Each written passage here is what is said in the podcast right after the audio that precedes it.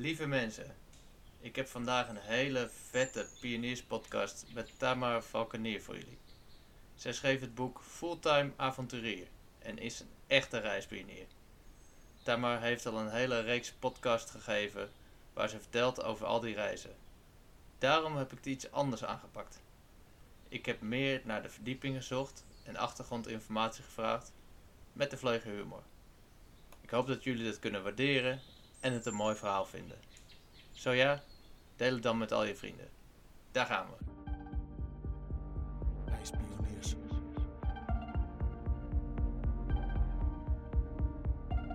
Reispioniers. Ja, ja, ja. Goeiedag. We zijn eh, op locatie in Best, dicht bij Eindhoven. En vandaag eh, zijn mijn ouders mee om mijn handje vast te houden. Wat natuurlijk heel erg fijn is. En we hebben Tamar Valkenier eh, in de uitzending. Dat vind ik super leuk. Hallo. Hoi, goedemorgen. Ik hoor dat jouw kameel jarig is geweest. Ja, Gefeliciteerd. dankjewel. Twee jaar hoor ik. Ja, het wordt een grote jongen al. Ja, hoe hebben jullie dat gevierd? Ja, heel lollig. Ik had natuurlijk uitnodigingen verstuurd van kom je Einstein zijn verjaardag vieren. En allemaal mensen dachten dat het een 1 april grap was. Mensen die me een beetje kennen weten dat het echt is. We hebben een leuk feestje gehad gisteren op de manege waar hij nu woont. Bij allerlei andere kamelen, lama's, alpaca's, geiten, nou, noem maar op. Slingers opgehangen, Limburgse vlaai gegeten en eh, zijn lekker aan de wandeling gegaan met alle, alle dieren. Er ook een klein kameeltje geboren, net drie weken oud. Super schattig. Eh, helemaal leuk. Dat klinkt als een eh, goed verjaarspartijtje. Ja, zeker. Ja, het was dubbel feest. Het was gisteren ook eh, precies één jaar eh, sinds de publicatie van mijn boek, hè, Fulltime Avonturier. Dus dat was leuk om dat ook even te vieren. Dat het een waanzinnig succes is geworden. Ja, want jij bent fulltime avonturier. Ja, het is nu officieel. Het is nu officieel. Het is een, een, een jaar geleden dat je je boek hebt uitgegeven dus. Ja. En dat is erg succesvol geweest.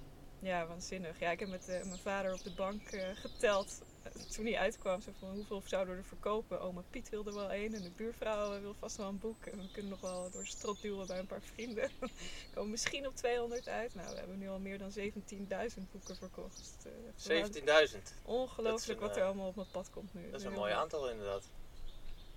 En- En je verwachting was dus de familie en vrienden. Ja, Want je zou zeggen dat als je eraan begint, dat je wel een eh, goede hoop hebt dat het eh, iets wordt. Ja, tuurlijk, maar ik was helemaal niet bekend. Ik eh, was gewoon fulltime aan het avonturieren. Ik was in het buitenland, in de wildernis. Ik ben wel één keertje bij Floortje Dessing geweest, dat helpt natuurlijk enorm. Maar Ja. verder, verder bestond ik niet. Ik had ook geen Instagram of dat soort dingen. dus ik, dan, dat is niet een hele goede uitgangspositie in coronatijd een boek uit gaan geven. Maar het is erg goed aangeslagen, dus dat was hartstikke leuk. En om dat te promoten ben jij dus met Einstein wezen wandelen in Nederland geloof ik. hè? Ja, ja klopt. Dus ik heb eh, Einstein een jaar geleden gekocht. Eh, en ik ben nog gaan trainen. En we zijn heel eh, rustig aan, stapje voor stapje Nederland ingetrokken. En hij vond het hartstikke leuk en deed het zo goed dat we gewoon door zijn gegaan. En we hebben uiteindelijk 700 kilometer door Nederland gelopen met z'n tweeën. En waar begonnen jullie? We begonnen in Venray, daar heb ik hem gekocht. Eh, ben ik eerst een week eh, bij hem geweest. Heb gewoon op zijn veldje gekampeerd, elkaar een beetje leren kennen. Alles op zijn tempo, kijken wat hij wil, wat hij niet wil. Of hij überhaupt op stap wil. Eh, maar hij leek het heel leuk te vinden. We zijn eh, rustig Hij wou op stap. Ja, hij vond het echt tof. En nu ook hoor. Als ik nu naar hem toe ga, dan staat hij echt te trappelen bij het hek van... Oh, gaan we weer aan de wandel? Ja, hij had het avonturiersbloed wel in zich. ja, ja, het is ook een avonturier. Net als jij dus. ja, lekker nieuwsgierig. En hoe ben jij eh, ooit op het idee gekomen om te gaan reizen? Ja, dat is een goede vraag. ik denk, ik heb altijd wel heel veel interesse gehad in de wereld, eh, in de mensheid. Ik ben eh, psychologie gaan studeren, criminologie. Maar een soort van per ongeluk al meteen in mijn droombaan gerold. Ehm, Dat is altijd vervelend. ja, heel naar was dat. Het was echt afzien. Ik had ontzettend naar mijn zin bij de politie. Eh, maar dat, dat reizen, dat bleef me toch wel trekken. Ik vond het lastig om dan een week of een paar weken weg te kunnen en dan toch weer terug te moeten. Dat er altijd zo'n klokje tikte. Ook al had ik het hartstikke goed hoor, want ik ging heel vaak weg. Maar eh, een dag vroeg ik van, joh, kan ik niet een jaar vrij krijgen? En dat kreeg ik niet. Ze konden me zes maanden geven om weg te gaan. En eh, verwend als ik was, dacht ik, nou, dat vind ik gewoon niet genoeg. Want dan nog heb je zo'n klokje Want dat tikt. Toen had jij al in je hoofd dat je binnen die zes maanden niet de vrijheid zou kunnen vinden die, eh, waar je naar op zoek was. Ja, nou ja, dat verwoord je goed inderdaad. Want ik wilde niet een lange vakantie, maar ik wilde echt even vrij zijn. Ik had heel behoefte aan om even alles los te laten. Los te laten wie ik ben, wat ik opgebouwd had. Te vragen van, is, is dit hoe ik verder wil? Want het leven zag er een beetje hetzelfde uit. En zo blijf ik dan eh, de komende jaren of misschien decennia wel eh, dooremmeren. Hoe leuk ik het ook vind, maar wat, wat kan er nog meer? Hoe doen andere mensen het op de wereld? Hoe is het als ik eh, geen meester dokter Anne Schalkenier ben? Hoe is het als ik gewoon een meisje op een fiets ben? Als ik geen inkomen heb, als ik geen huis heb, geen vaste baan, geen planning, geen agenda. Hoe, hoe voelt het allemaal? Dat had ik heel erg behoefte aan om dat eens te ervaren. En er waarschijnlijk achter te komen dat ik het helemaal voor elkaar had en dat ik gewoon terug wil. Maar dat toch niet gebeurd. Dat zijn eh, grote vragen Ja, die je zelf stelde. ja. Eh, Heb je daar veel antwoorden op gekregen? Ja, ja zeker. Ja. Ehm, daarom ben ik nu fulltime avonturier en ben ik niet teruggegaan. ik dacht eh, dat ik een jaar weg zou blijven ongeveer. Maar Ja. we zijn nu zeven jaar verder. Zeven jaar. En, eh, ik heb het ontzettend naar mijn zin. Ik heb zoveel meegemaakt en mogen ervaren, mensen leren kennen, nieuwe kwaliteiten ontdekt. Nieuwe interesses ontdekt ook. En de, en de vrijheid die ik daarbij voel is, is gewoon verschrikkelijk verslavend. dat, eh, dat ga ik niet meer opgeven. En wat is dat vrijheidsgevoel dan precies? Wat brengt dat? Ja, dat je niks eh, hoeft en niks moet. Ik zit nergens aan vast. Ik heb eh, geen agenda die me vertelt wanneer ik waar moet zijn. En ik kan heel erg goed naar mijn gevoel luisteren. Van wat, wat trekt me nu op dit moment? Ik ben nu bijvoorbeeld heel druk bezig met een NGO die heel mooi werk doet in Mongolië. Waar ik ontzettend warm ontvangen ben en mooie avonturen heb beleefd. En nu heb ik iets gevonden waarmee ik iets terug kan geven. Daar word ik heel enthousiast van. En dan heb ik ook alle tijd en ruimte om daarmee aan de slag te gaan. Eh, dat soort dingen. Ja, want ruimte is eh, natuurlijk wel belangrijk als je je ergens echt voor wil inzetten. Ja. Als je echt verandering eh, wil creëren. Niks moeten. Dat is de clue. Niks moeten, dat klinkt wel als muziek in de oren. Ja, Maar wel mogen. alles mag. Ja. En ervaar je dat ook echt zo? Van alles Ja. mag? ja, zeker. Alles mag en alles kan ook. Daar ben ik ook elke dag weer een soort van verbaasd over. Dat mijn lijf nog meewerkt. Dat de wereld meewerkt. Hoeveel mazzel we hebben dat we in Nederland geboren Ja. zijn. Dat er zoveel mogelijkheden zijn. Dat is geweldig. Ja, dat is geweldig. En, en hoe kijk je dan ehm, naar de gemiddelde mens? Want jij hebt behoorlijke stappen genomen. Als ik naar de wereld kijk, dan eh, houdt de, de meeste mensen het liefst eh, blijven ze binnen hun eigen bekende kringetje. Vind je dat zonde of hoe, hoe, kijk je daarnaar? Nou, ik weet al niet eens of ik het daar echt mee eens ben. Want Dat dat, is dat, is een beetje een wat, hè, de wereld. Of kijk je naar, naar Castricum of, of Zwolle of weet je wel, waar je Ja. woont. De wereld is veel breder natuurlijk. Ja, En- sorry, ik bedoelde de wereld in Nederland. eh, Ja, waar we de wereld in Nederland, Ja. ja. Ja, want, want dat is er. Er zijn zoveel mensen die anders denken. En daar, daar geniet ik heel erg van. Dat ik bij Bedouines op, op bezoek ga, met nomades meedraai. eh, bij de Indianen op les ga. eh, maar ook met rijke bankiers door de Himalaya trek. En een beetje zo van alle facetten wat meekrijg. En dan kun je bij iedereen een beetje voelen van nou, dat lijkt me wel wat, eh, dat vind ik niks. Eh, En zo kun je heel kan ik veel beter mijn eigen pad eh, kiezen. Want alles heeft wat. Hè? Ik vind het ook geweldig hoe jij vertelt over je dochtertje. En een gezin is natuurlijk ook te gek. Eh, het is leuk om in een bandje te kunnen spelen. Dat soort dingen kan Ja. ik niet met het leven wat ik nu kies. Het zijn de keuzes die je maakt Ja, die uiteindelijk eh, je realiteit bepalen. ja. en het, het gaat er meer om, denk ik, dat je een bewuste keuze maakt. Dat je, dat, dat je daarover hebt nagedacht, hebt gezien hoe het ook anders kan. En denkt, nee, dit, dit is wat ik wil. En dan kun je daar intens gelukkig mee zijn. Maar wat Ja. het dan is, dat maakt mij natuurlijk niet uit. Ja, wat ik probeer te doen met reispioniers is eh, mensen platform geven die succesvol zijn in het pionieren. Die succesvol zijn in nieuwe wegen inslaan. En daar ben jij natuurlijk een eh, redelijk ultiem voorbeeld in. In ieder geval van wat ik tot nu toe tegen ben gekomen. Wat mij vaak opvalt is dat mensen veel in de angst vast blijven zitten. Ja. En ik las in jouw boek dat jij eh, ook echt wel met eh, heftige angsten te maken hebt gehad. Maar dat dat er niet voor zorgt dat jij eh, ergens niet voor gaat. Ja. ja, mijn vader zei altijd, joh, wil je even het vuilnis buiten zetten? Nee, heb ik geen zin in. Zeg je, nou, zonder zin gaat het ook. ja. en zo is het ook een beetje met angst. Met angst gaat het ook. Ehm, ik denk dat het voor mij een beetje een, een cadeau is geweest dat ik opgegroeid ben met heel veel angsten. En, eh, en mijn vader heeft ook veel gehad en die heeft me ook wel geleerd hoe je daarmee om moet gaan of kan gaan. Ehm, dus ik heb geleerd om me daar niet door tegen te laten houden. Juist om te zeggen, ja, maar ik zou, ik zou zo graag, weet ik veel, willen leren duiken, maar ik vind het doodeng. Nou, ja, dan, daar kun je overheen komen, maar dat doe je dan op je eigen tempo, stapje voor Mhm. stapje. En ik zie dat heel erg in de dieren, waar ik nu eh, dus achter ben gekomen op reis, dat ik dieren heel leuk vind. Dat wist ik niet. Ja. Eh, zo heb ik Einstein bijvoorbeeld getraind. Alles op zijn tempo, heel rustig gaan. Als hij het te eng vindt, oh, dan doen we een stapje terug. Nergens toe dwingen, niks forceren, maar je kunt wel stappen zetten. En als je iets maar heel graag wil, ehm, dan kom je daar overheen. En dat is een heerlijk gevoel. Dat, ik heb geleerd dat je overal overheen kunt komen. Want eigenlijk was jij bij je dieren dan vaak een soort coach. Van je kan het. Ja. En laten Ja. we het gewoon stapje voor stapje. Ja, positief stimuleren, maar ook Ja. wel lezen van oeh, dit is even te veel. Nu vraag ik te veel van hem. Ik gooi niet zomaar dag één een zadel op zijn rug. Ik ga hem eerst eens laten ruiken aan het dekentje. En, en wat- ja, zo ik hem train, zo train ik ook mezelf. En, eh, en misschien ook wel anderen. Denk je dat het bij mensen hetzelfde werkt? Ja. Zeker weten. Dus eh, mensen en dieren zijn in die zin niet zo heel veel verschillend. Nee, eigenlijk zijn we allemaal kamelen diep van binnen. ja. of erom daar eens. ja, of het dromdaars. Ja, wat was het nou weer? Ja. Ehm, dromdaars met twee bulten. ja, inderdaad. Ik, eh, zo, daar heb ik al verkaft hoor. Na het goed werken, dan eh, voel ik ook alsof ik twee bulten op mijn rug heb. Ja, precies.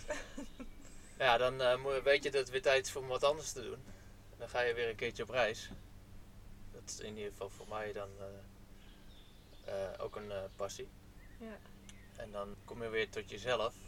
Maar wat veel mensen natuurlijk hebben is dat ze dan weer terug naar hun eh, wereldje gaan. En jij bent doorgegaan, zoals je al zegt. Je dacht een jaar te gaan.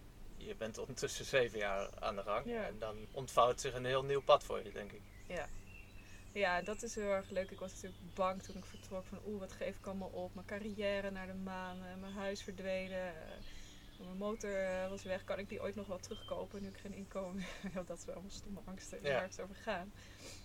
Ehm, en daar veel ook over gesproken. En dat hoorde ik dan veel uit mijn omgeving ook. Van weet je wel wat je doet en wat voor eh, risico's. Misschien kun je die baan al nooit meer terugkrijgen. Daar was je toch zo blij mee. Ja. Nou ja, allemaal dat soort dingen denk je dan over na. En hoe moet dat dan als ik terugkom, als ik nu zie hoe de huizenprijzen eh, waanzinnig door het dak zijn gegaan. Ik denk, al zou ik terug willen komen naar Nederland, dat kan niet eens. Ik krijg geen hypotheek, ik moet jaren op de wachtlijst voor een huurhuis. Hoe moet dat allemaal? En, dat is natuurlijk allemaal goede redenen om niet te gaan. En zo kun je altijd heel veel redenen bedenken om dingen niet te doen. Maar wat als je nou gewoon naar je gevoel luistert, van, wat, zou ik nou echt graag willen? Er- Ik had het gevoel, ik kon gewoon niet anders ik moest gaan. Want het gevoel werd steeds sterker en sterker. Van, ik wil zo graag eh, gewoon eens op de fiets de wereld in. En kijken hoe dat is. Ja, had gewoon geen keuze eigenlijk. Nee, voor, voor jou voelt het als geen keuze om niet te luisteren naar je innerlijk. Nee, en dan de rest van je leven spijt te hebben dat je het niet hebt gedaan. Zou je dat hebben? Dat denk ik wel. Ja, Dan klinkt het als een goede keuze. ja, ja. Ja, en wat heeft het je gebracht dan? ja precies. Dus wa- waar ik bang voor was, van oh, dan kan dat allemaal niet meer. Dat is natuurlijk waar, want ik kan, ik kan niet meer terug naar mijn oude baan. En ik kan geen huis meer krijgen.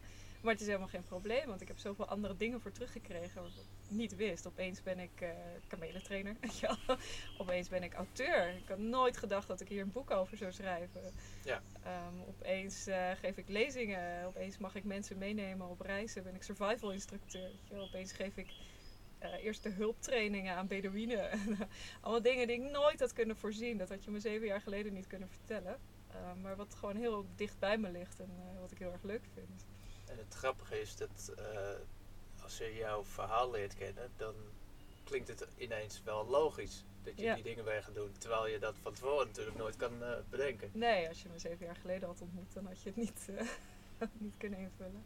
Nee. Dat vind ik leuk aan het leven. Zodra je gewoon de deur uitstapt, dan gebeuren er dingen. Dan, dan begint het avontuur. Dan komt er van alles op je pad wat je nooit had verwacht. Dus ik geniet heel erg van het onverwachte. Houdt het leven een beetje uh, smeuig. ja. zeggen. Ja, ik had eh, bij eh, reizen die ik heb gedaan, eh, dan kom je altijd eh, dingen tegen die niet zo leuk zijn. En op een gegeven moment kwam ik erachter dat de minder leuke momenten bijna altijd de beste verhalen zijn. Ja, Ervaar jij dat ook zo? ja, zeker weten. Ja, hadden we het over hè, net tijdens het rijden hierheen. Ja, als alles misgaat, dan, eh, oh, dan ga ik aanstaan. Dat vind ik geweldig. Want dan gebeuren zulke leuke dingen. En, eh, je kameel is weggelopen, je fiets is kapot gegaan of eh, whatever. En dan komen er opeens mensen op je af die gaan helpen. Dus dan heb je hele mooie contacten. Of je, je hebt een dik verhaal inderdaad in de kroeg. Of een, iets leuks waar je een boek over kunt schrijven of wat dan ook.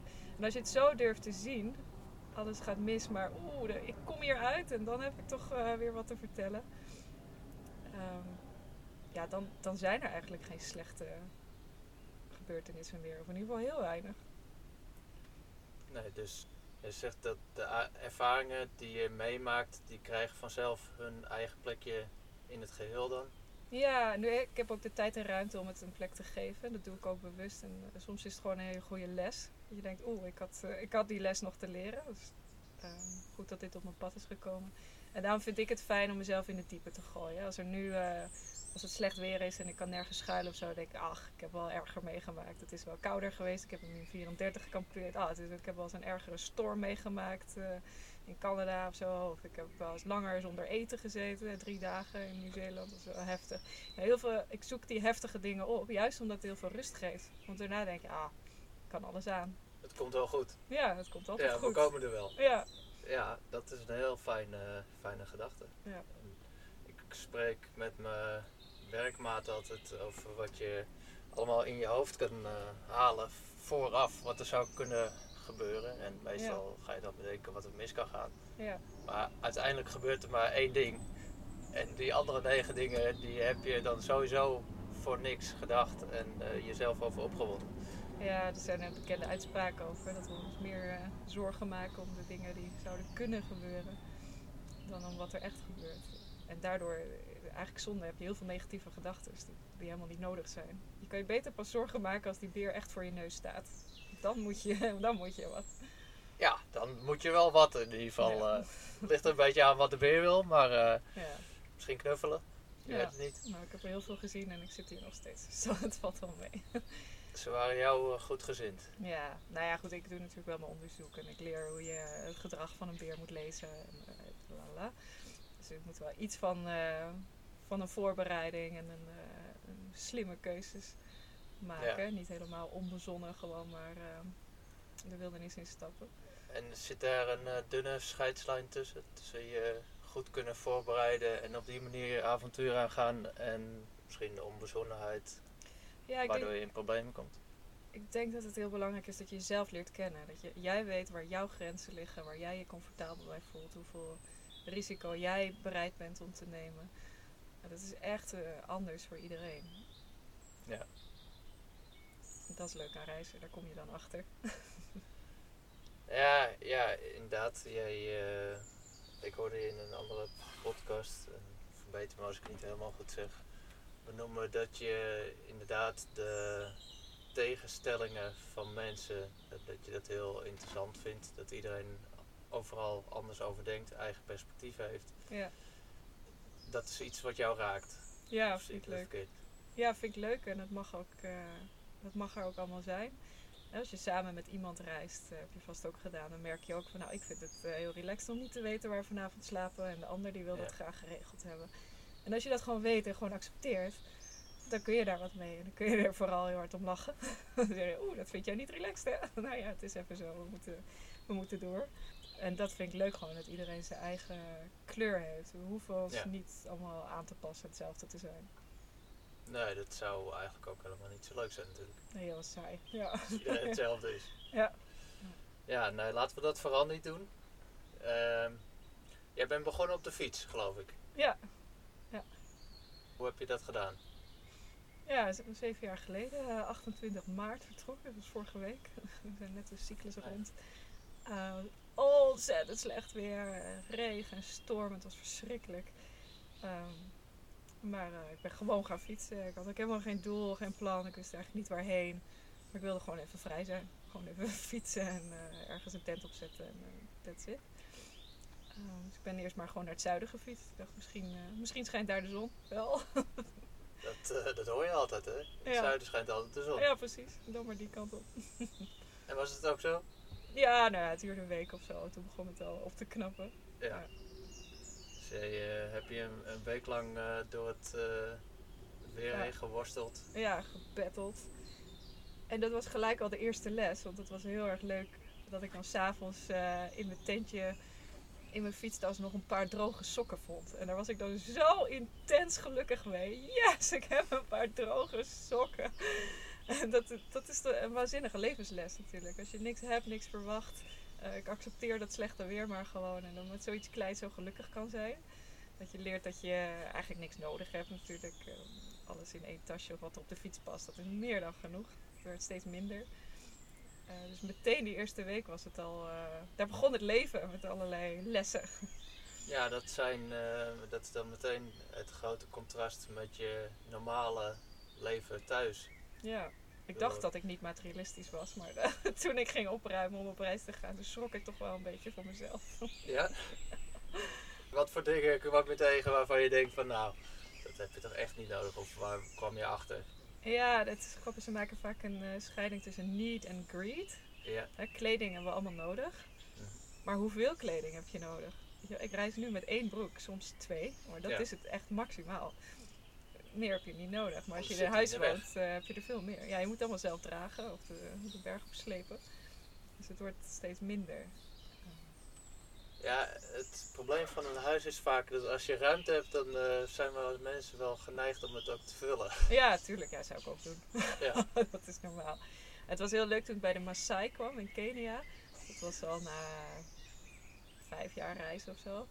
Had ik al een eh, erg eh, mager tasje met alleen een tentje en een brandertje en een broek en, eh, en een tandenborstel. Dat was het. En die gasten die keken naar mijn tas en die zeiden echt, Tamer, wat heb je allemaal bij wat een spullen. Dat is toch helemaal niet nodig. Die hebben gewoon één doek. Die slaan ze om overdag tegen de zon en s'nachts tegen de kou. Ze hebben een machette, knots en, en ze maken vuur. En dan gaan ze erbij liggen onder hun doek. met een steen als kussen. En dat, dat is gewoon, dat is het gewoon. Klaar. Ze hebben meer hebben ze Dat niet is nodig. wel even wat anders. En dan ik, oh ja, dit is wel even next level, ja. Ja, maar die zijn ook wel goed op die manier opgevoed, denk ik. Want dat eh, zouden de meeste westerse mensen wel lastig vinden. Ja, en dat is ook lastig. En ik zou het ook niet willen. En dat vind ik leuk om daar te kijken van, oh, is dat iets wat ik wil? Nee, ik, ik wil toch wel iets meer comfort. Eh, in Mongolië bijvoorbeeld kom ik heel graag. Ben ik meerdere maanden per jaar, vaker dan in Nederland. Maar ik zou er niet willen wonen. Dat lijkt me dan weer helemaal niks. Zeker als vrouw. Dan ben je alleen maar eh, aan het poetsen en aan het koken en mijn kinderen aan het opvoeden. en als buitenlander, ja, dan ben je altijd maar de buitenlander. Je kent het wel. Dus het is elke keer een beetje eh, afwegen van, eh, wat vind ik daarvan? En is er een, een plek of een groep mensen waar je je het meest thuis hebt gevoeld? Ja, gewoon in Haarlem, bij mijn eigen vrienden en mijn vader. Ja, dat blijft eh, Nou, dat blijft wel het meest thuis. Maar ook daar, ik weet Ik denk natuurlijk vaak na van als ik ergens zou gaan wonen, waar zou dat dan zijn? Nou, Ik had bijna een stuk land gekocht op Tasmanië in Australië. Dat eh, was wel heel erg eh, mijn thuis. Maar uiteindelijk gaat het toch om de mensen om je heen. En het is lastig, denk ik, om in een land waar je de taal niet helemaal spreekt, maar je uit een andere cultuur komt, om echt te integreren. Ja. Uh, maar niks is onmogelijk natuurlijk. Ik heb gewoon die behoefte nog steeds niet. ik heb nog steeds, eh, vind ik het wel lekker Om om, te settelen, bedoel je? Ja, om Ja. ergens te gaan wonen. Ja. Misschien gebeurt het nog eens, I don't know. Ehm, Maar vind jij, eh, zoals de Maasai en de Bedouinen, vind je dat dan nog steeds leuk om te zien omdat juist de verschillen zo groot zijn in opvattingen? Of zijn er overeenkomsten die je misschien niet had verwacht of die eh, een hele diepe band creëren? Ja, dat is een goede vraag. Ik denk dat er veel meer overeenkomsten zijn dan, dan wij op eerste gezicht denken. Eh, uiteindelijk zijn we allemaal mens en willen we allemaal een dak boven ons hoofd en genegenheid en verbondenheid. Ehm, en dat vind ik leuk dat ik als stadsmeisje uit Haarlem gewoon hele warme banden op kan bouwen met, met wie dan ook. Maakt eigenlijk niet uit of het nou een eh, bankier in Dubai is of een Bedouin in Jordanië. Ik, kan daar eh, ja, hele diepe banden mee opbouwen. En dat is leuk. En wat ik zie natuurlijk is dat zij heel erg verbonden zijn met de natuur om zich heen, waar ze leven. Dat is een heel andere relatie dan wat wij hebben met het bos uh, waar we naast uh, staan. Dat vind ik mooi. Ik vind het heel mooi hoe de kinderen echt door iedereen worden opgevoed. zitten wij iedereen op schoot, slapen iedereen in bed en zitten elke avond aan een andere tafel eten ze mee. Dus het duurt me soms wel weken voordat ik weet welk kind nou eigenlijk van wie is. dus er is heel veel samen uh. Wat wij in onze individualistische cultuur natuurlijk een beetje missen. Als iemand daar ziek wordt, het maakt niet uit, dan pakt iemand anders gewoon het werk over. Er hoeven geen uh, systemen en regeltjes voor in het leven te roepen. Um, ik vraag ze ook vaak van wat zouden jullie willen? Dus, kijken jullie jaloers naar onze wereld? Zou je dat ook allemaal willen? Wil je naar de stad? Wat als je rijk zou zijn? Wil je dat je kinderen naar de universiteit gaan? En de meesten zeggen nee, nee, dat willen we helemaal niet. Kijk even waar we wonen, hoe mooi het hier is. We zijn zo fijn samen. Uh, daar zou echt niemand zomaar op wereldreis gaan. Ze horen bij elkaar, ze horen daar. En um, dat gevoel van verbondenheid vind ik wel heel mooi. gemeenschapszin dan, ja. ja. En uh, weten wat je hebt. Ja, ja. Ja, want toen ik, uh, wat ik zelf dan wel als schrijnend zag in Peru, was dat heel veel volk uit de Amazone, die, daar wilden de kinderen wel graag van studeren in de grote stad. Ja. Wat ik ze natuurlijk allemaal gun. Ja. Maar als Westerling kom je eerst in die stad, in Lima bijvoorbeeld. Ja. En dan denk je van ja, hier moet je niet terechtkomen als je niet uh, al uh, een carrière of wat dan ook hebt. Want dat ziet er niet zo fijn uit. Ja, de veel sloppenwijken. mensen ja, gaan op zoek naar rijkdom en vinden het niet. En dan zijn ze nog verder in de ellende jij beschrijft het tegenovergestelde. Ja, je hebt, het, je hebt het natuurlijk allebei, maar ik, ik spreek niet met mensen in de sloppenwijken, want daar kom ik niet. nee, zo is het ook. ik spreek met de mensen die ervoor kiezen om juist uh, daar in de natuur te blijven. Ja. Ja, en zo is het in Nederland uh, uiteraard ook uh, dat iedereen eigen beweegredenen heeft en een eigen kijk op de wereld heeft. Ja, dat vond ik leuk. En die tocht met Einstein uh, dit jaar. Heb dus voor het eerst in die zeven jaar heb ik drie maanden in Nederland doorgebracht. En kwam ik op allerlei plekken met mensen uh, ja, die soort van inspirerende zoektocht ook hadden hier in Nederland. Dus tiny house projecten, zorgboerderijen, uh, het veerhuis in Varik. Allemaal mooie plekken waar mensen met ja, hele, heel ethisch in het leven staan. Uh, goed nadenken over wat, uh, wat zijn we nou de wereld verplicht en hoe kunnen we een, een betere wereld creëren met z'n allen. Dat vond ik heel leuk om dat ook in Nederland uh, gewoon te vinden. Zo vooral. Dat zijn precies de plekken waar ik langs wil gaan allemaal. Ja. De reispioniers. Ja, doen. doen. Die verhalen ja. mogen veel meer verteld worden. Ja, ja nee, zeker. En dat uh, vind ik ook belangrijk. Mensen die uh, andere stappen nemen dan het uh, normale huisje, boompje, beestje. Niet dat dat niet goed is, maar ik vind het heel fijn als mensen wel bewust willen nadenken over de stappen die ze gaan zetten. Ja. Voor de wereld en voor zichzelf. Ja, ik denk dat het een heel mooi moment is. Nu, in deze tijd waar iedereen op zijn vijftiende al twee burn-outs heeft gehad. ja, er zijn wel veel signalen van de jongens, dit, dit gaat zo niet langer. Uh, we zijn niet, ja, het werkt gewoon niet, het moet anders. Er zijn in ieder geval uh, kanten aan het systeem die vastlopen. Ja. ja. Jij hebt uh, sinds je boek een hoop podcast optredens en ook op televisie denk ik. Ja. Optredens gehad. Ja. Is er een podcast wat je te binnen schiet, dat vond je erg leuk? Of? Oh, ja, ja, god, ik vond het allemaal erg leuk. Um, nou, ik vond het natuurlijk heel leuk dat Floortje Dessing ons in Nieuw-Zeeland op kwam zoeken. Ja. Mij en Mirjam. Ja, het programma Terug naar het einde van de wereld. Ja, dat is alweer een paar jaar geleden. Afgelopen december was een uitzending met Joris Linsen. Hele leuke man, want die kwam uh, twee dagen meelopen met Einstein ook. Ze liepen met kameel door die waanzinnig rijke villa-wijken van Aardenhout. Ja. En daar hadden we het over. Wat is nou eigenlijk rijkdom? Of wat is armoede? Waar zit dat in? En dat vond ik zo'n mooi gesprek. Dus dat, uh, dat is wel blijven hangen inderdaad. Dus die zijn nog uh, de moeite waard om uh, terug te kijken? Ja, zeker. Ja. En hier in Nederland hebben we Nienke Laverman. Heb je daar wel eens van gehoord? Nee. Die heeft nu ook een theatershow. Daar kun je weer naartoe. En zij is op, ook op veel plekken geweest waar ik ben geweest. Met nomades en met kamelen en de woestijn. En zij maakt daar muziek over. Uh, schrijft daar gedichten, uh, nummers over.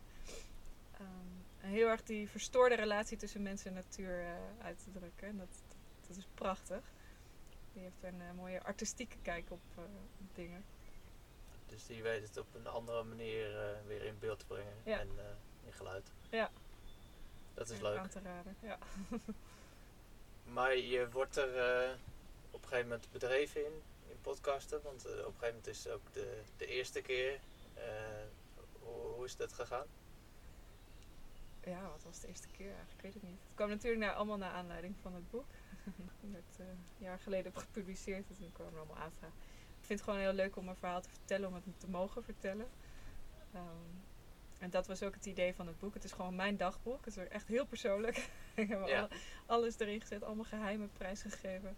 Eh, zo van wie het wil lezen, mag het lezen. En wie, wie het verhaal wil horen, nou dan wil ik het wel vertellen natuurlijk. Kom maar door. En zo, door dit, deze media-aandacht, kom ik ook weer in contact met heel veel leuke mensen die ook allerlei mooie dingen doen. Dus ik vind het hartstikke leuk om hier nu eh, met jou te mogen zitten. Ja, dankjewel. Dat eh, is wederzijds. Ja.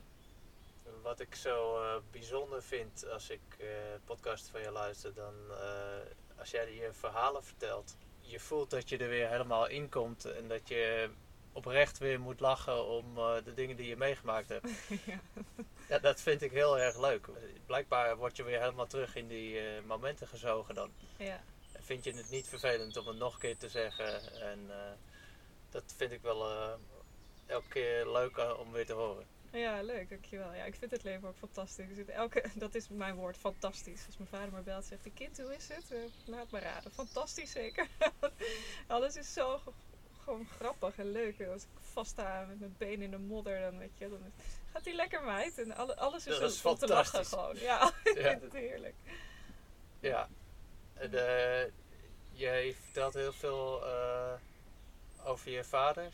Ja. Eh, is je band met je moeder dan minder? Of is dat, Ja, hij is wat minder. Die woont ook in Zuid-Frankrijk. Heb minder Daar contact mee eh, heb ik minder contact Ja. mee. Ik ben, eh, ik ben echt een papa's kindje. We zijn, eh, Ja, We zijn erg op elkaar aange- aangesteld. Gesteld. Op elkaar gesteld, zo zeg ja, dus jullie eh, passen goed bij elkaar. Ja, ja, zeker. Mijn grote held. Je grote held. Ja, dat is een eh, mooie eerbetoon. ja nou, ik heb gewoon heel erg mazzel met zo'n geweldige vader die enerzijds heel anders in het leven staat. Hij eh, zit vooral graag op de bank en boeken te lezen, gaat naar musea, concerten, en, eh, kastelen, stad, stadtrips. Ehm, dus heeft niet dat reizigersgevoel van mij. Ehm, maar anderzijds is hij wel heel geïnteresseerd in de wereld en reist hij graag met me mee op afstand.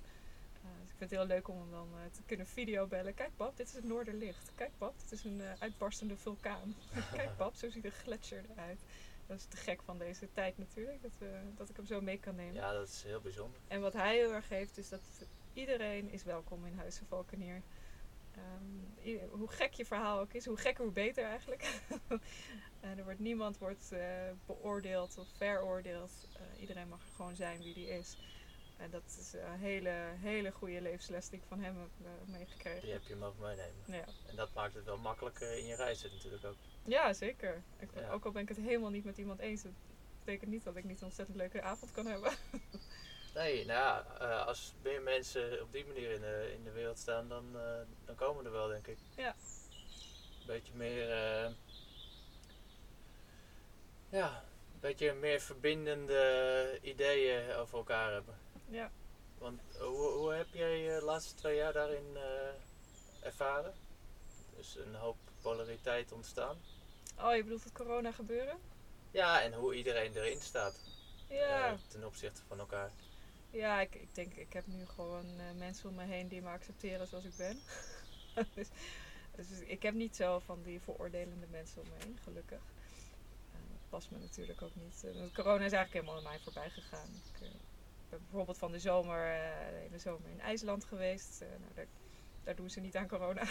en de hele winter in, eh, in Lapland. Nou ja, de- één, daar ben ik veel veiliger dan in Nederland. Eh, veel minder besmettingsgevaar natuurlijk. En, ehm, en daar, eh, ja, daar droeg ook niemand een mondkapje. Zweden ging er heel relaxed mee om. Dus ik, ja, het is eigenlijk een klein beetje aan me voorbij gegaan. hebt, ik heb niet zoveel meegekregen van die polariteit. Je hebt op de plekken gezeten waar je sowieso geen last van had. Ja, Nee, en het is uiteraard ook maar net waar je je op richt. Ja, kijk, iedereen, dit is, het is wel een heel goed voorbeeld, want dat is echt iets waar iedereen een mening over heeft en waar we elkaar op afmaken. En dat Ja, nou ja, dat was eh, een beetje wat ik bedoelde. Ja. Van eh, een mening mag je eigenlijk niet meer hebben. Dat is een beetje raar. Nou, enerzijds moet je overal een mening over hebben. Als je- wat, als je maar wat een vind je nou mening van, eh, ja, wat vind je nou, geval, wat vind je nou van het rijden? Wat vind je nou van die Bedouines die kinderen slaan of weet ik veel, hoe ze met dieren omgaan? Of je moet overal wat van vinden. En ik heb dat juist op reis heel erg geleerd los te laten. Ik vind helemaal niks. Het, de dingen zijn zoals ze zijn en ik kom daar gewoon om eens te kijken en om te leren, om nieuwsgierig te zijn, om te proberen een ander te begrijpen. En dan kan ik natuurlijk wel denken wat, of ik ook zo wil leven, of ik daar wat mee wil. Maar we hoeven toch niet van alles te vinden van elkaar. Iedereen doet het om zijn eigen redenen. Laat gaan. Laat mensen in hun waarde. En zit daar dan, denk je, de groei ook in? Die Ja. we kunnen maken? Ja, zeker. Elkaar wat meer accepteren zoals... eh, Ja, dat is de enige manier waarop we één wereld kunnen hebben natuurlijk. Ja, nou ja, inderdaad, eh, verschil zal er altijd zijn. En dat zal je dan moeten omarmen om ook met elkaar om te kunnen gaan. Ja, zie het ook als iets leuks. Je kunt er ook een grap van maken. En, eh, een lolletje. Ja, ja dat is mooi. En eh, heb jij nog plannen voor de toekomst? Plannen? Wat is dat woord ook weer? Eh, nou, niet- echt een heel nabije toekomst in de zin dat ik vandaag naar Bulgarije vlieg. Ja. En eh, van de zomer ga ik lekker in het Midden-Oosten rondhangen. Ik heb altijd alles bij Egypte willen zien en al die eh, oude meuk bekijken. Ehm, maar ja, nee, niet per se plannen. Ik kijk wel een beetje wat er weer op mijn pad komt. En hoe, hoe zie jij het dan? Want je laat je gewoon leiden door het moment. Ja, Als iets op je pad komt, dan denk je van ja, dit voelt goed, hier ga ik voor. Ja, precies. Ik heb een soort van een richting. En dat was ook toen ik op de fiets vertrok van nou ja, ongeveer eh, richting Singapore, weet ik veel. maar totaal geleid door wat er op je pad komt inderdaad. Wie je ontmoet, welke verhalen je weer hoort, welke mogelijkheden zich voordoen. En dan eh, kijken we 's ochtends uit bed als we uit bed komen wel even waar we, waar we zin in hebben. Dat is een hele ontspannen manier, denk ik, eh, van leven. Ja, ik vind het heel fijn. Ik heb best wel ideeën. Wat ik zei, met die NGO ben ik bezig. En ik ben trainingen aan het organiseren. En allemaal leuke dingen. Maar niks is vast en niks moet. Dan kan het morgen ook zomaar weer anders zijn. Dus mijn, mijn vrienden zijn ook gestopt met te vragen van wanneer zien we je weer. Of waar ga je heen of whatever. Is, Dat werkt niet. dat nee, dat werkt niet. Het is Nee. morgen toch weer anders. Ja, inderdaad. Dus je, je, je hebt geleerd hoe je die vrijheid ook kan behouden op die manier. ja. Want als je iedereen gaat vertellen van waarschijnlijk kom ik dan wel. ja, dan wordt er ook op gerekend. En dan mag je iedereen weer vertellen dat het niet zo is. En dat, dat is allemaal ingewikkeld. Dat is zeker ingewikkeld. Net als met jou. Ik belde jou eh, gisteravond. Hè, stuurde ik je een mailtje van... Hé, hey, ik ben toevallig morgen in Eindhoven. Zullen we nog even kletsen? Het is heel eh, snel geregeld. Eh, en eh, ik moest even schakelen, Ja, moet ik zeggen. Maar Ja, het- ik vond het wel eh, zo leuk eh, om te doen eh, dat, ik, ja, dat ik er mijn beste voor heb gedaan. En dan zie je dat je dingen mogelijk kan maken. hè. ja. Ja, te gek. Ja, dat is wel dat is bijzonder. Ehm, ja, heb jij nog tips voor mensen die, die ook wel graag willen avontureren, maar niet zo makkelijk durven? Hoe, hoe kom je over die drempel heen? Ja, dat is een goede vraag. Eh, meestal zeg ik eh, gewoon doe één stap. eh, want dat is het. Een, lange reis begint bij de eerste stap. Zo is dat niet het gezegde. Als jij een idee wat je heel graag wil doen. Ik had van de week bijvoorbeeld iemand aan de lijn die heel graag met een ezel en een huifkar door Nederland wil gaan trekken. Neem eens een stap. Ga eens met iemand mee die een ezel heeft. Ga eens eh, nou ja, mensen zoals ik bellen om informatie op te doen. Ga eens eh, kijken bij huifkarren. Ga eens een boek lezen. Weet je. je kunt alles gewoon stapje voor stapje doen op jouw tempo. Eh, ga eerst eens een keer naar een camping toe. Ga dan een keer proberen in het bos te slapen. En dan kom je erachter wat voor jou werkt en niet werkt. Dus je kunt alles gewoon rustig opbouwen. Je hoeft niet per se meteen alles of niks. Eh, dus de verdieping in het onderwerp die je aantrekt, Ja, stapje voor stapje uitbreiden. Ja, en goed luisteren naar wat, wat, wat voelt goed? Wat, wat wil je nou echt? Ja. Even afgezien van die angsten, daar, daar kijken we later wel naar. Want als je het maar graag genoeg wil, dan geloof ik dat je elke angst kunt overwinnen. Ja, eh, ik weet niet of je ayahuasca kent. Ja, maar ja. Ik, ik heb afgelopen februari weer een eh, ayahuasca ervaring gehad. Oh, oké. En dat was. eh, ja, dat, dat, dat ging ook weer hierover. Van, ga er gewoon voor. Ga, ga door die angst heen. En eh, zet die stappen waarvan je eigenlijk al lang weet dat, dat je ze wil sta- Exact, zetten. ja. Achteraf zegt- iedereen dat, ja, ik wist, wist het eigenlijk al. Ja, Maar hoe vaak doe je het niet als je het eigenlijk al weet? Dat ja, en eh, wat is het precies dat je tegenhoudt? Ja. En Ja. is het realistisch ook? Dat vind ik ook altijd wel een goeie. Verwoord het eens. Schrijf het eens op een lijstje. Want vaak is het, ja, maar ik heb een familie. eh, mijn baas vindt dat vast niet goed. Heb je het al eens overlegd? Heb je het al gevraagd aan je baas? Heb je al gesproken met je vrouw dat, eh, dat dit dus iets, iets is wat je graag wil? En heel vaak komen mensen achter, oh, mijn baas die, die vond het eigenlijk wel oké. Of misschien niet een jaar, maar dan zes maanden. Whatever. Dus heel vaak zijn ze ook niet helemaal erg realistisch, de angsten. Ja, en als je nooit start met jezelf uiten, dus Ja. dan kom je ook nooit verder. Nee, ja, nee, schreeuwt van de daken als je het wil. Dus zo van een wens doen, mag je niet vertellen wat je wens is. Daar ben ik heel tegen. Je moet het van de daken schreeuwen. Vertel iedereen wat je wens is, dan, dan komt het vanzelf goed. Er komen er mensen op je pad die, eh, die je gaan helpen. Ja, ik ben dan eh, voor mijn beroep glaaswasser. Ja. En ik merkte toen ik ging reizen en daarover ging vertellen, toen stapje bij beetje veranderde ik in de perceptie van de klant in de reiziger. Dus iedere keer dat ik daar weer kwam, ging het over het reizen. Oh. En- Eigenlijk groeide ik helemaal in een soort eh, rol ja. eh, die ik heerlijk vond. Want eh, elke keer werd ik aangesproken op degene waar ik op aangesproken wil worden. Ja. En ik denk dat je op die manier de ide- identiteit ook op kunt bouwen waar je zelf ook je goed bij voelt en die voor je werkt, zeker. Ja. waar je verder mee kan. ja, absoluut. Ja, Heel erg waar. En Maak, ik, eh, ja, creëer je eigen realiteit. Ja. ja, en ik hoorde dat mensen met jou eh, mee kunnen, eventueel. Hè? Ja, Dus- dus soms, eh, soms vind ik het wel heel erg leuk om wat ik allemaal voor mooi zie, om dat ook te kunnen delen. En dan organiseer ik wat, sporadisch. Last minute meestal. En dan, eh, dan kunnen mensen met me mee. Dus over twee weken neem ik een groep mee naar Jordanië. Gaan we met de Beduïnes die ik daar ontmoet heb en de kamelen een week eh, de woestijn in trekken. En dat regel jij dan met de mensen die je daar hebt leren kennen? Ja. Of eh, doe je dat ter plekke? Ja, nou, ik heb daar zelf een reis gemaakt. Eh, heb ik 650 kilometer met een ezel door Jordanië gelopen. En daar ben ik een hele mooie Bedouinenfamilie tegengekomen. En ik heb met hun om het kampvuur zitten kletsen van, eh, nou ja, wat zou nou leuk zijn. Een, reis waarbij we echt die oude Bedouinencultuur weer eh, tot leven roepen, mogen vieren. Ehm, en dat is dit geworden. En ik heb het in oktober met ze uitgetest, heb ik een groep meegenomen. En dat vonden ze zo leuk. En het hele dorp eh, kwam, eh, kwam langs. Elke avond hadden we weer iemand anders op bezoek met muziek en dansen. En, en die Bedouines die, eh, die zei, Tamer kom je alsjeblieft terug, gaan we nog een keer doen. Dus eh, Dat bij deze. dan ook wel een hele mooie ervaring. Ja, voor zowel de groep als voor jou als voor Ja. de Bedouinen. Ja, absoluut. Ja, en dat is het. het moet, eh, als, ik, als je met mij reist, doet, is het een win-win-win situatie voor iedereen. Dat is jouw insteek. Absoluut. Ja, dat is erg leuk. Waar kunnen ze dat vinden als jij Ja, dat last minute goede bedenkt? vraag. ja, ik, eh, ik bied dat soort dingen dan aan op Instagram en Facebook.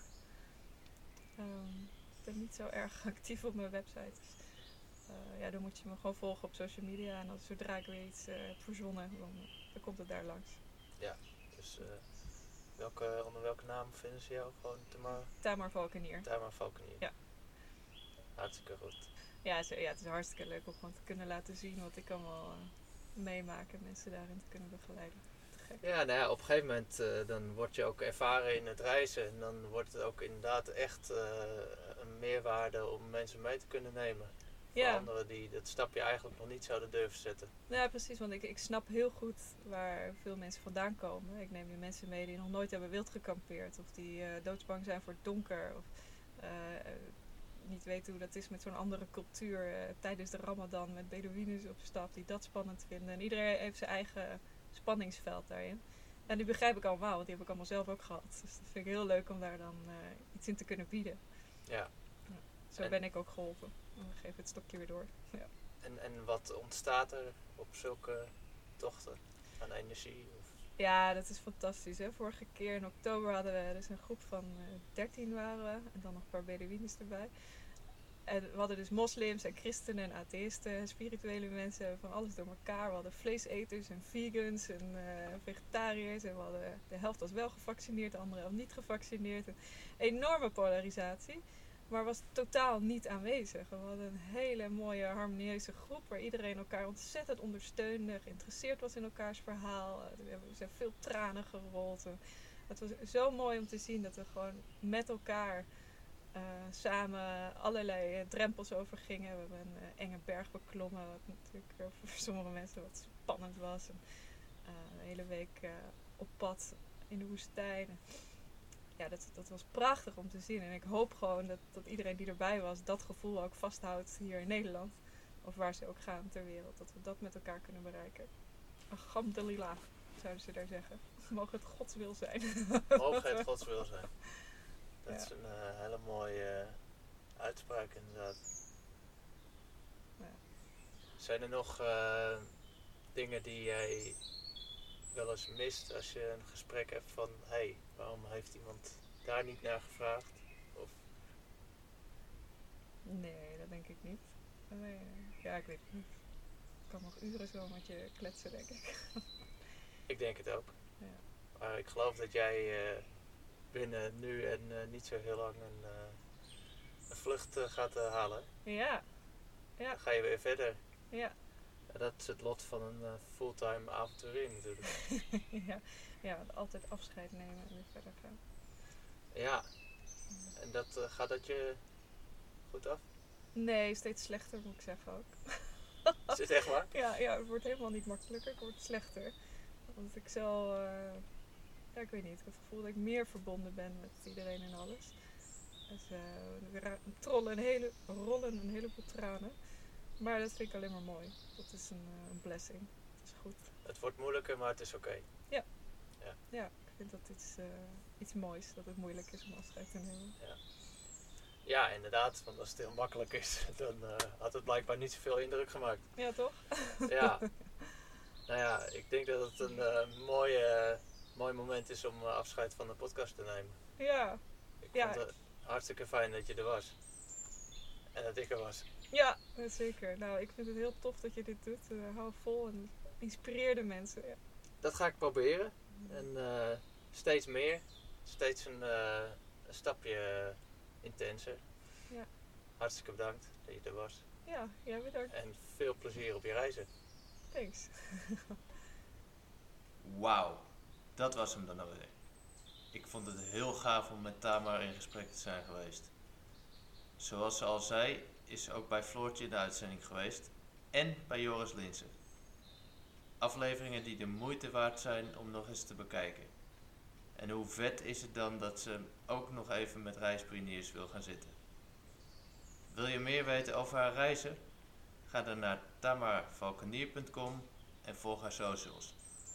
Koop een boek Fulltime Avonturier als je die nog niet hebt en deel ook deze podcast. Tot de volgende aflevering.